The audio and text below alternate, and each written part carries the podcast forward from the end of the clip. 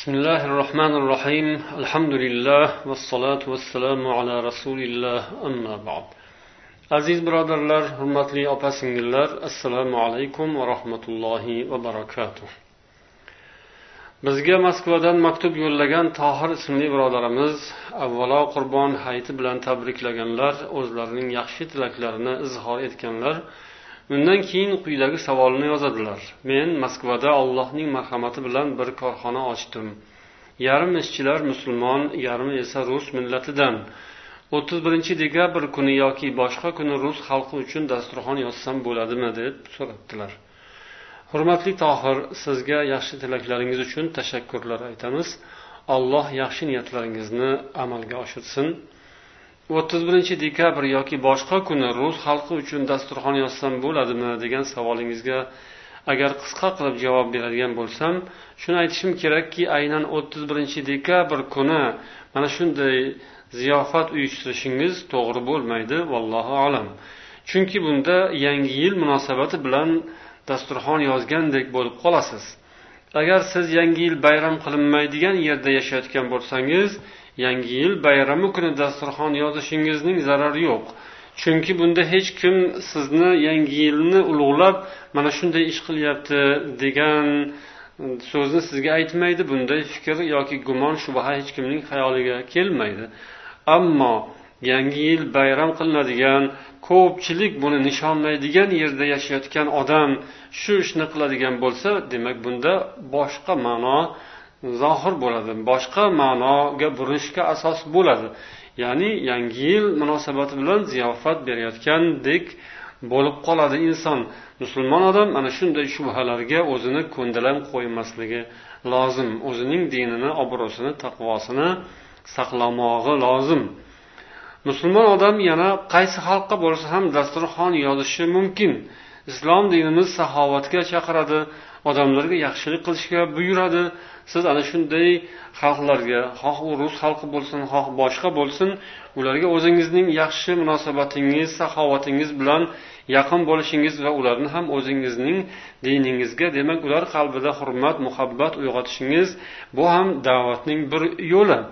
lekin shu bilan bir qatorda musulmon odam o'z aqidasida sobit turishga ham buyuriladi alloh taolo qur'oni karimda furqon surasining yetmish ikkinchi oyatida marhamat etadi أعوذ بالله من الشيطان الرجيم والذين لا يشهدون الزور وإذا مروا باللغو مروا كراما bu oyatda alloh taolo o'zining yaqin bandalarini o'zi yaxshi ko'rgan bandalarini ibadur rahmon deb rahmonning bandalari deb maqtagan va ana shunday ollohga yoqadigan maqbul alloh taologa mahbub bo'lgan bandalarning sifatlarini keltirgan.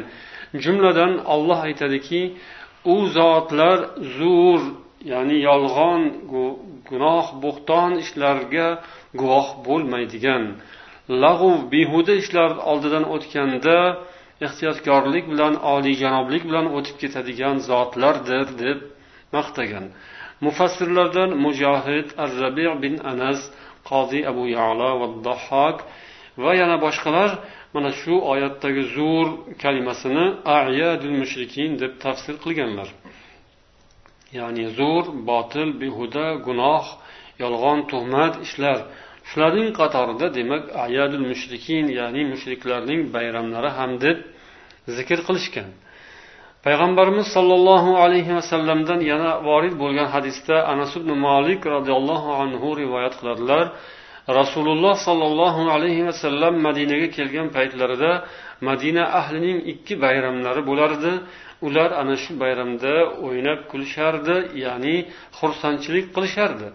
rasululloh sollallohu alayhi vasallam ma hadal yavman deb so'radilar bu ikki kun qanday kun dedilar shunda sahobalar bu johiliyat paytidan qolgan bayramlari ekanligini bildirdilar فقال رسول الله صلى الله عليه وسلم إن الله قد أبدلكم بهما خيرا منهما يوم الأضحى ويوم الفطر رواه أبو داود payg'ambar sollallohu alayhi vasallam dedilar alloh taolo sizlarga bu ikki kuningizning o'rniga bundan ko'ra yaxshirog'ini almashtirib berdi. U adho kuni va fitr kunidir dedilar. Ya'ni idul adho va idul fitrni nazarda tutdilar. Demak rasululloh sollallohu alayhi vasallam ana o'sha sahobalarning johiliyat paytidan qolgan bayramlarini iqror qilmadilar tasdiq qilmadilar. Balki uning o'rniga alloh taolo boshqasini almashtirganini va u almashtirilgan ikki kun ikki bayram demak islomda ko'rsatilgan ikki bayram boshqalardan ko'ra yaxshiroq ekanini bayon qildilar va boshqa kunlarda xursandchilik qilishdan demak rasululloh sollallohu alayhi vasallam qaytardilar.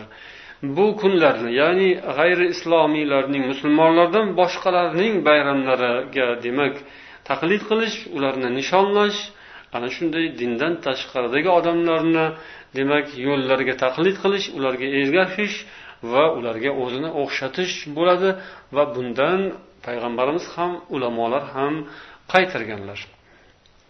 Hazrati umar roziyallohu anhu o'z zamonlarida ahli zimmaga ya'ni ahli kitoblarga ularning bayramlarini demak zohir qilishni taqiqlaganlar. ular bayramlarni o'zlariga belgilangan o'zlariga berilgan o'sha kanisalarda cherkovlarda o'tkazishga ko'rsatilgan va yana umar roziyallohu anhu deganlarki iyyakum وأن تدخلوا على المشركين يوم عيدهم في كنائسهم فإن السخطة تتنزل عليكم sizlar mushriklarning kanisalariga ularning bayram kunlari kirishdan saqlaninglar. Chunki alloh taoloning g'azabi nozil bo'lishi mumkin. Alloh taoloning g'azabi nozil bo'ladi dedilar ogohlantirdilar. Demak ana shunday kunlarda ular bilan birga bo'lish ularning bayramlarida ishtirok qilish yoki ularni mana shu bayramlarini nishonlashda demak hissa qo'shish demak ziyofat berish ana shu narsaga demak qo'shilib ketish bu mumkin emas. Demak har bir dinda har bir e, ta'limotda o'zining bayramlari bo'ladi o'zining munosabatlari bo'ladi. Bu ana shu din yoki ta'limotning mohiyatiga bog'langan bo'ladi. Bu narsaga demak musulmon odamlar albatta ahamiyat qaratishlari lozim o'shanday ekanligini bilib turib ya'ni bunday bayramlarning diniy jihati borligi dinlariga ularning dinlariga bog'liq ekanligini demak anglagan odam bundan ehtiyot bo'lmog'i lozim.